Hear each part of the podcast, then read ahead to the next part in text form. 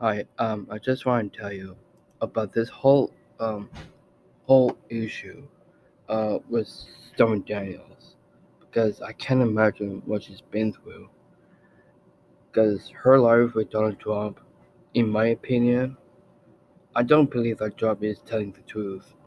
To, to be honest with you, um, while I watched that video about Stormy, I I, I feel like it was heartbroken and devastated, and why Trump have um sex- sexually misconduct towards her. It was harassment on his part.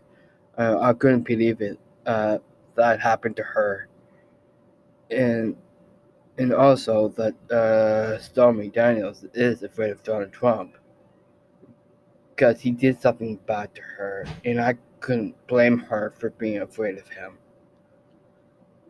And you know, I also want to imagine about uh, Melania Trump too, because she is a former wife of Donald Trump, and I c- cannot believe what she said to Stormy Daniels that she is a stone cold hooker, and I I I couldn't believe it.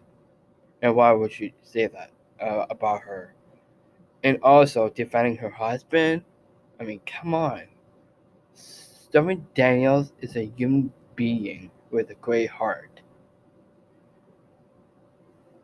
Like I couldn't believe that either. I cannot believe why and why Melania Trump say that to her.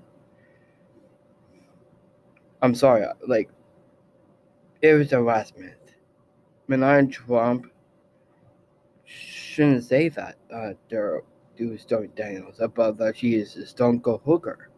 Like to me, it was like a harassment, and now, and now she has to keep quiet because the Republican uh, on Trump's um, supporters they're gonna allow that. So, sh- so when I'm saying that he bribed her for not not uh, prosecuting against uh, Donald Trump. So my opinion is why why Trump? Why would you do that to Stormy Daniels?